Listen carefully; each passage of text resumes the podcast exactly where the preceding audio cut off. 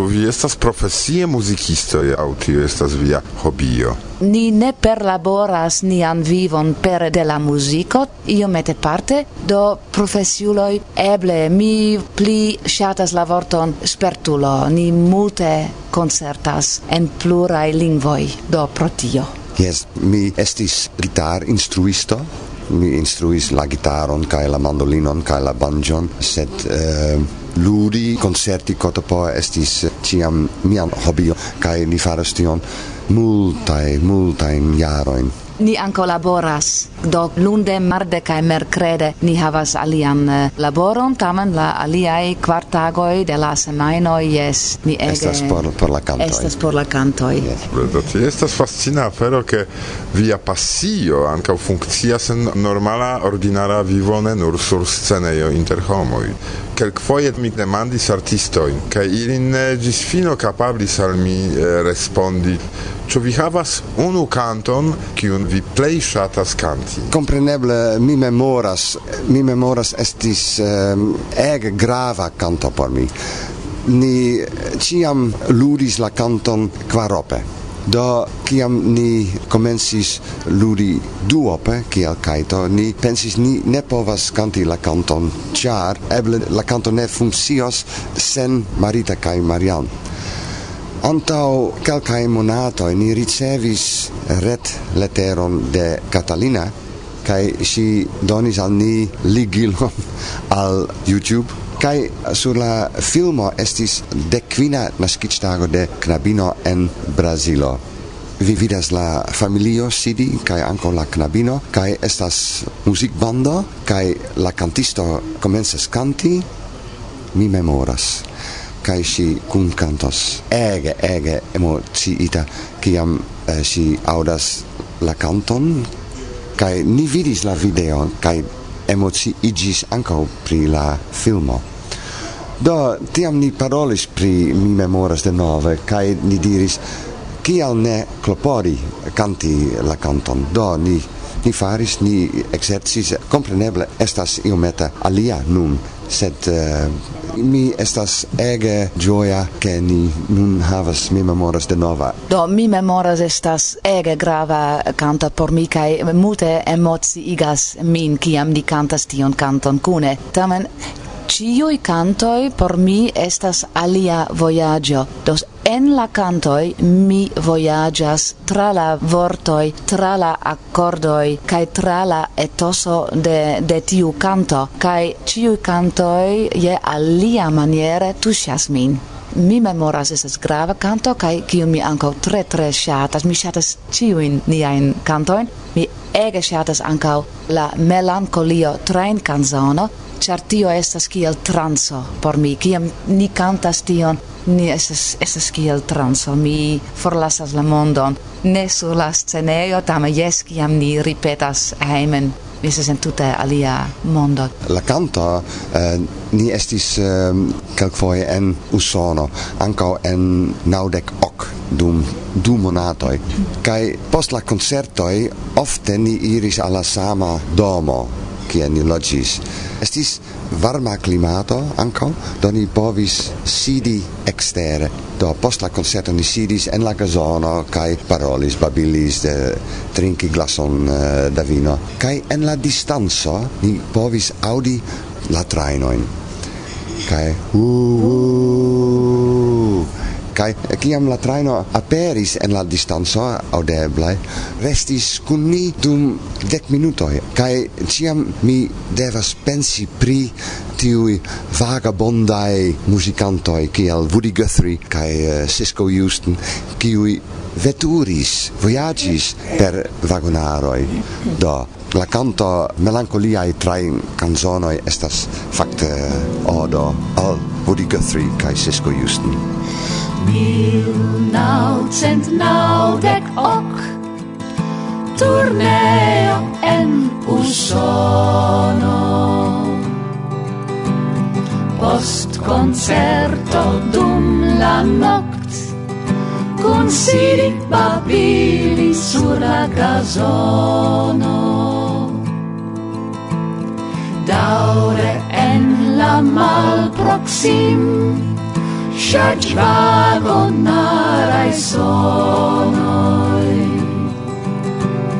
Kontinue atingas nin Melankoliaj canzonoi.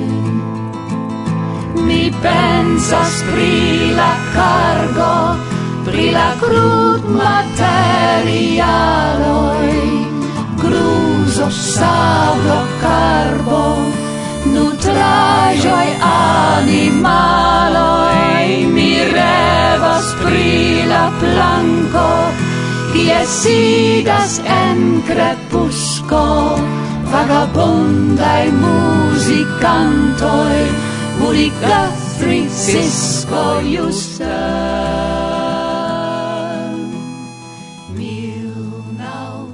kiom da diskoj son bendojn vi eldonis? Ses ĝis nun kaj la plej recenza ni eldonis la pasintjaro dum la Universala Kongreso en Kopenhagon en Danlando estas ses albumoj en Esperanto. Ni ankaŭ faris eh, uh, albumojn en nederlanda lingvo, la frisa lingvo en la angla lingvo. Do en tute 33 aŭ 34 albumoj ni eldonis sur lopo aŭ kodo. Oni povas en Nederlando demandi en uh, music vendejo pri disco de Kaito kaj ili trovos tuj? Ne, ni nur uh, vendas la discoin dum la koncertoj kaj libroservoj kaj rete kaj ni uh, sendas la discoin alla la homoj. Mi pensas pri la trako de la fotir punkt la fino mi pensas pri la curso pri de la traino la destino.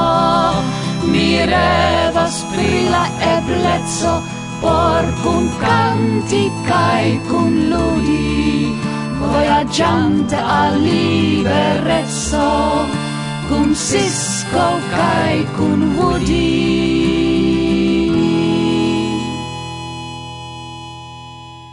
kial eh, aperis dua grupo Capriol kaj vi jam ne plu kantas kune. Marita kaj Marian ciam havas la elemento de la dansado kaj por ni la plej grava elemento estas la kantado. Dum jaroj ne estis problemo, sed ni kreskas en nia disvolviĝo kaj ankaŭ ili. Do ofte ni ne trovis la sintezon por novaj kantoj, novaj muzikaĵoj kotopo.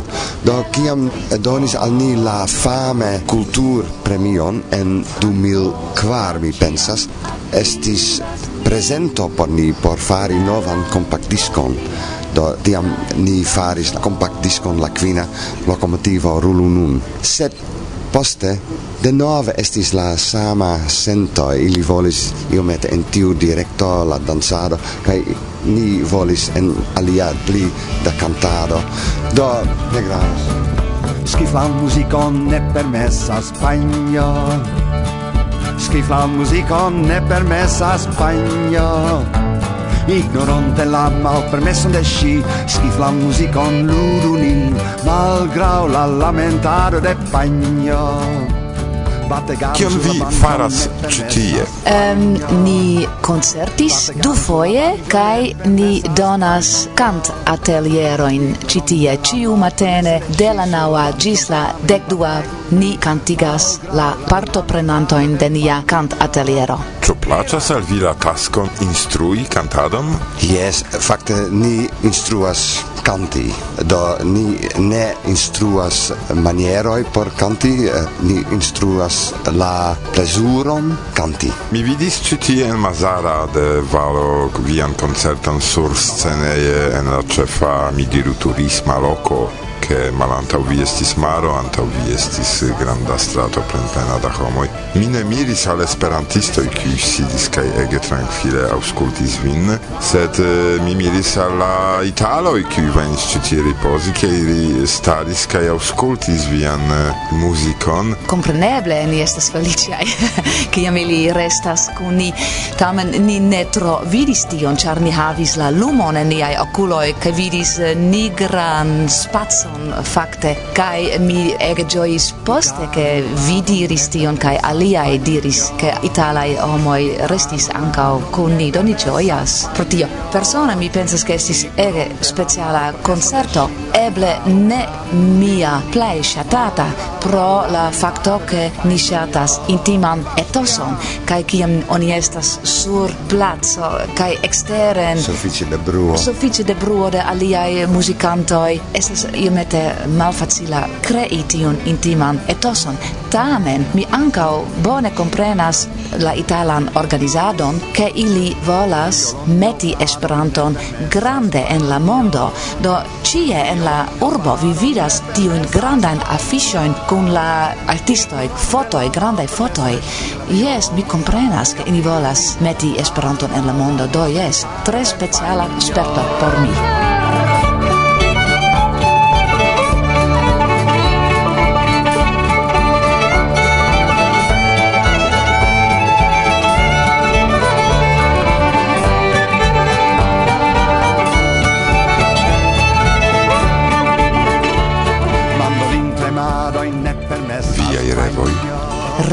jaroj. Mi instruas lunde, marde kaj mercrede, kaj mi ege ŝatas instrui. Tamen mi ŝatus eĉ pli eh, uh, vojaĝi tra la mondo kaj nur doni koncertojn kaj uh, eh, kantigi la homojn en cant atelieroi tra la tuta mondo estas revo. Ja, fakte, ankaŭ estas mia revo koncerti kaj vojaĝi ne nur esperantlingve, sed ankaŭ kun nia maristaj kantoj kaj ankaŭ kun nia repertuaro kiu ni havas kun amiko de ni el Aŭstralujo, Michael Rhodes, li estas verkisto de spirituala libroj kaj li verkas tekstojn por ni kaj ni ege ŝatas kun esti kun li en niaj seminarioj kai ni aldonas la musicon li ŝatus tion ankaŭ.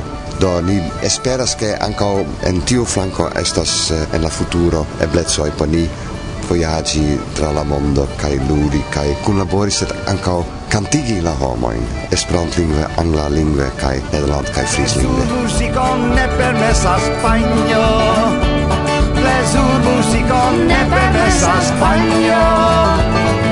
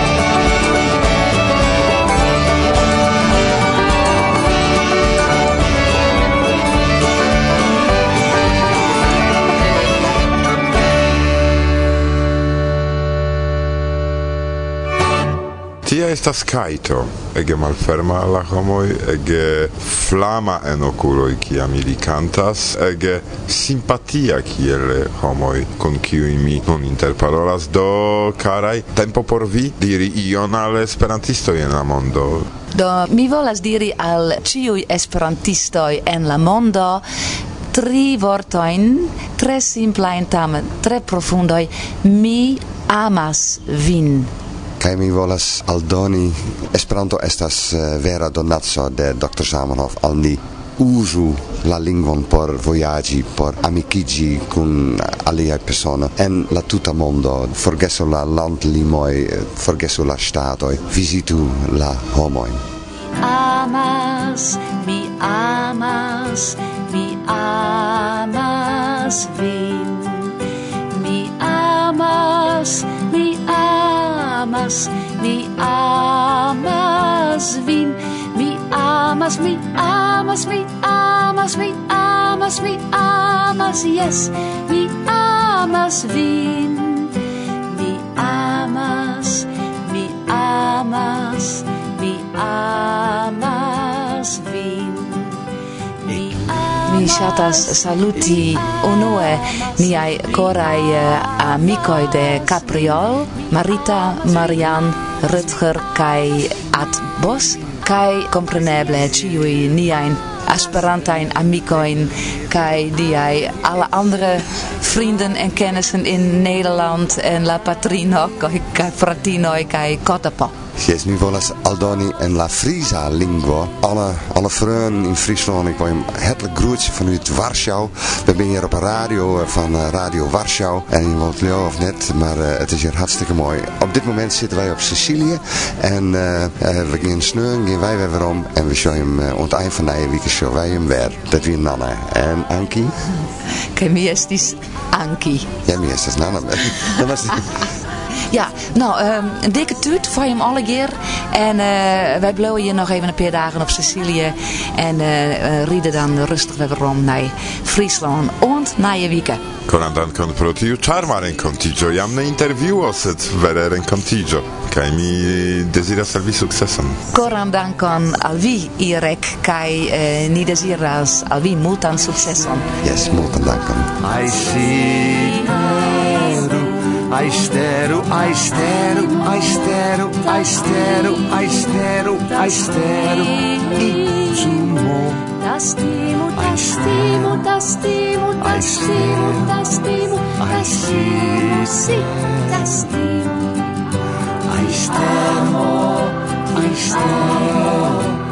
estero, a estero, a estero, a estero,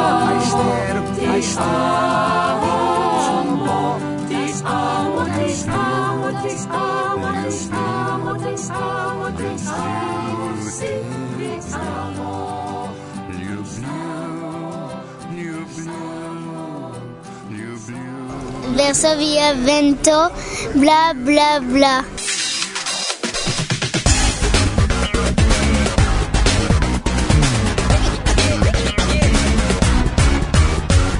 mi havas unikan okazon renkontiĝi nuntempe kun eh, esperantista familio, do prezentiĝu unue. Saluton, mi nomiĝas Luma. Saluton, mi estas Jasmine. Saluton, mi estas Jani. Kaj la dua parto de la familio? Saluton, mi estas Floreal. Saluton, kaj mi Jorgos. Do bone, kaj antaŭ mi estas malfacila vere tasko pri kio demandi esperantistan familion. Pri kio oni povas demandi? Granda silento.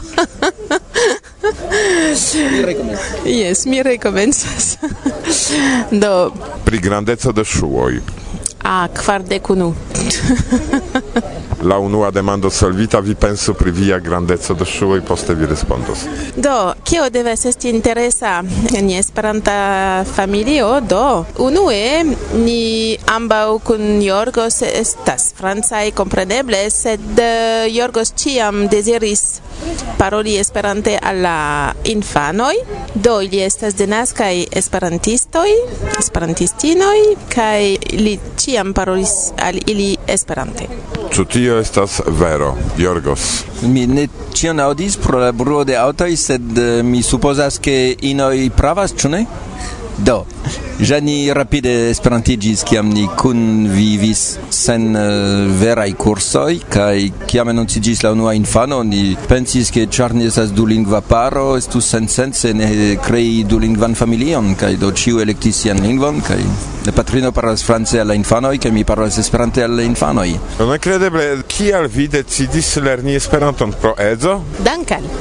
ah, dankal edzo, do tiam vi estas uh, la pioniro de Esperanto esta edukado en via familio fakte ĉar vi estis la unua.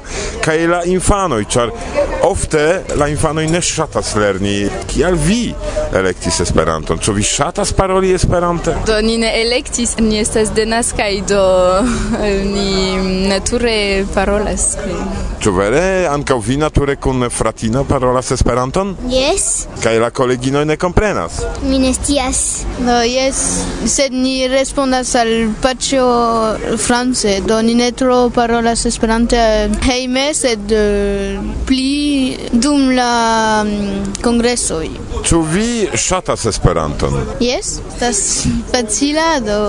Karaj, kiajn problemojn povas renkonti la esperantista familio?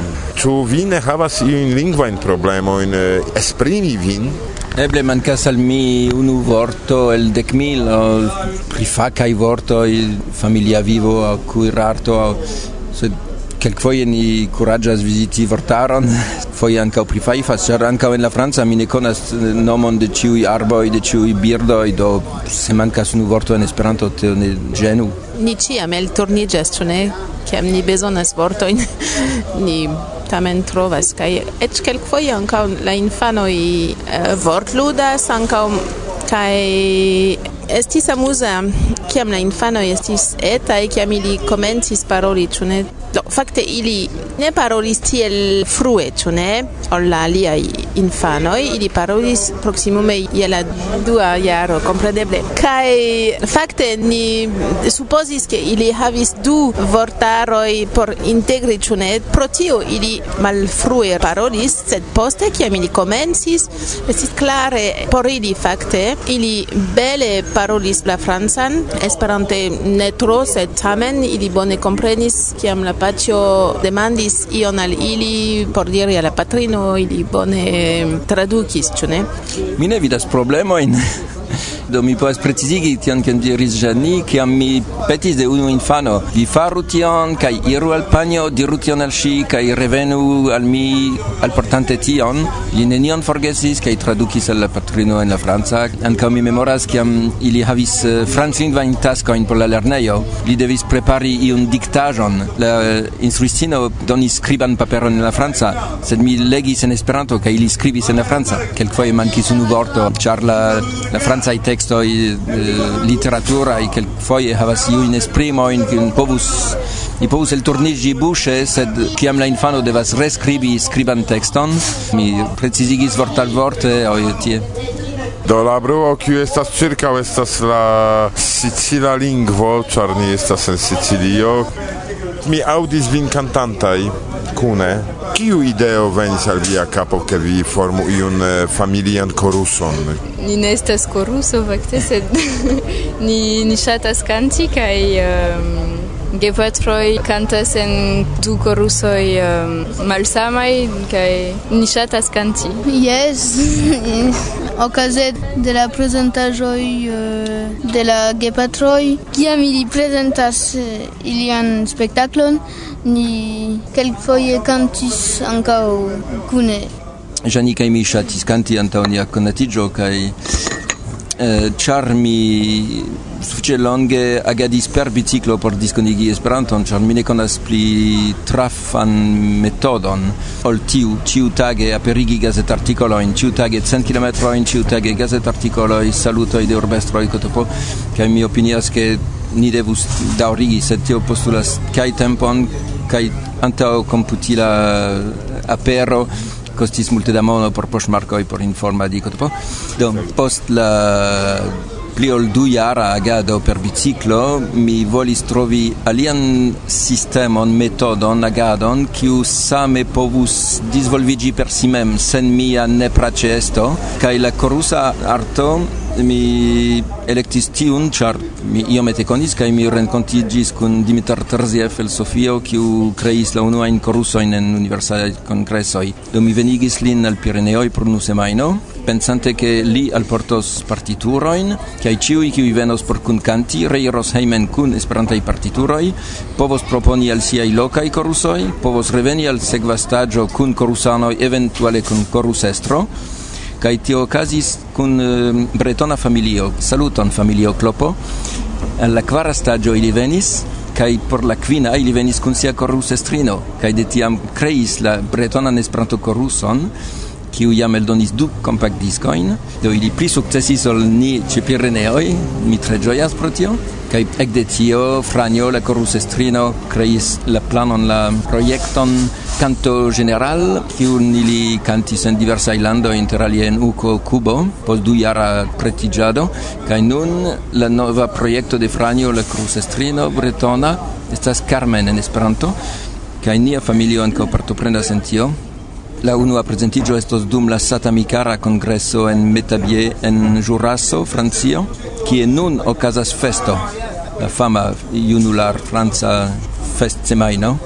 Ca e estis io amusa ancao cun Jani, char ciam la infanoi estis iunai, ciam devis resti heime unu gepatro, do Jani cantis lunde en regula corruso, kai mi kantis marde kai la sola okazo ke ni havis kun kanti estis dum la esperanta i korus semajnoj do ni pro tio des pli ĝuis kaj ekde kiam la infanoj povis partopreni depende de la korusestroj de la programoj de la kantoj sed ĉe la lasta lastan marton kun Javier Rodon la kantisto de grupo kaj tiel plu Ciui quin partoprenis ciuin cantoin, ce la antauai cun Carles, la flutisto de cae tiel plu, estis apartai cantoi por infanoi, apartai por plencresculoi, cae quelcae cunai, cae la venonta corus estrino, kiu venos en marto 2013 estos Dravka Bojceva, kiu jam gvidis nian kvaran cae nian decan canto semainon. Loco por viei salutoi, kiu desidas? la unua? Uh, saluton al ciui kiui rekonos nin, kaj do mi memoras mian unuan vorton, estas ek. estis en dum veturado, kiam uh, trafik lumoj estis ruĝaj kaj poste eŝanĝiĝis al verda, mi diris ek. Do ĉu vi ne pensis pri io lernejo por infanoj? Fakte mi tute ne instruis al miaj infanoj, mi parolis nature en Esperanto, tiel kiel se mi estu estus franclingva al ili mi parolus france, se mi estus cinlingva mi parolus cine, mi parolis Esperante, do ili ne bezonis lerni, ili preskaŭ neniam vidis gramatikon de Esperanto, sed foje ili akompanas min al kurso kaj kiam ili ĉeestas, mi profitas la okazon tiel ke ili mem instruu al miaj lernantoj. Do dankon al ĉiuj. Ĝis ĝis. Yes, do saluton eh, al ĉiuj kaj vivu Esperanto. Do, ĉu ni devas saluti? Jes, mi bonvolas saluti kaj ankaŭ kuraĝigi kelkaj personoj kiuj deziras eh, paroli esperantlingve al la infanoj, ĉar vere ĝi funkcias.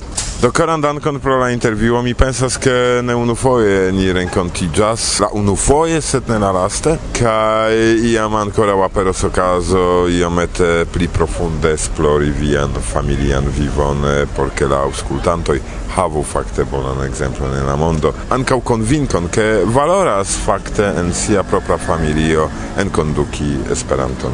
Do, mon spécial dédicace à Marion, Gariane, Zoé, tout- toute la troupe.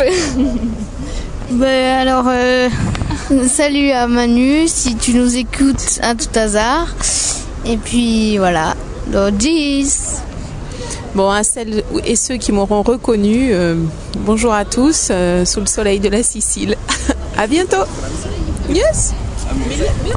Mi ne plus scias la francan. Nie rozumiem po polsku.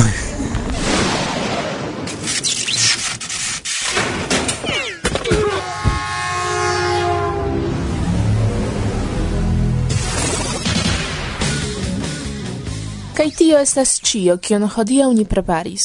Ne maltrankviliĝu do. La ripoza paŭzo jam finiĝis, do ĝis fino de la jaro vi aŭdos nin ankoraŭ kelkfoje. Ju pli des pli dume kolektiĝis iom da sonmaterialo. Kiun kompreneble ni kolektis kun penso pri vi, karaj. Do? la lastan horon estis kune kun vi. Irek? Kaj mi, Martusia. Ĝis la reaŭdo. Ĝis. Ci suffice da papero, porcino? Sesta, manca! Uno poi, un'etta e ti ho...